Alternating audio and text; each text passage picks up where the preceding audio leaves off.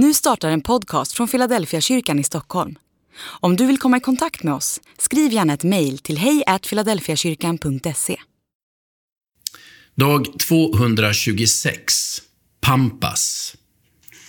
En del föll på de steniga ställena, där det inte fanns mycket jord, och det kom fort upp eftersom myllan var tunn.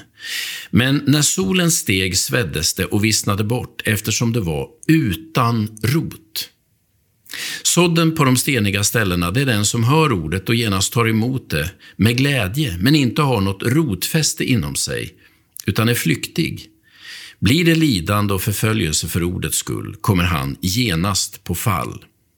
Matteus kapitel 13, vers 5 och 6 och vers 20 till 21.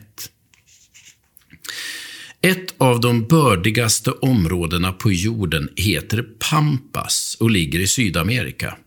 Det sträcker sig från södra Brasilien genom Uruguay till norra Argentina. I östra Argentina odlar man vete, majs, sojabönor och potatis och man försörjer stora delar av landet med sina skördar. Området brukar beskrivas som en av jordens kornbodar. Även utan gödsling får man stora skördar. Pampas jord består mestadels av silt. Silt är en jordart som uppstår när berg eroderat, alltså när berget malts till pulver. Man tror att det var trycket av stora isar under istiden som gjorde att berget blivit till jord på Pampas. Det kan också handla om vindens påverkan.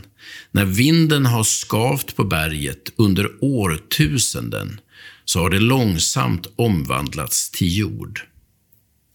Om ditt hjärta har blivit stengrund så behöver du inte misströsta.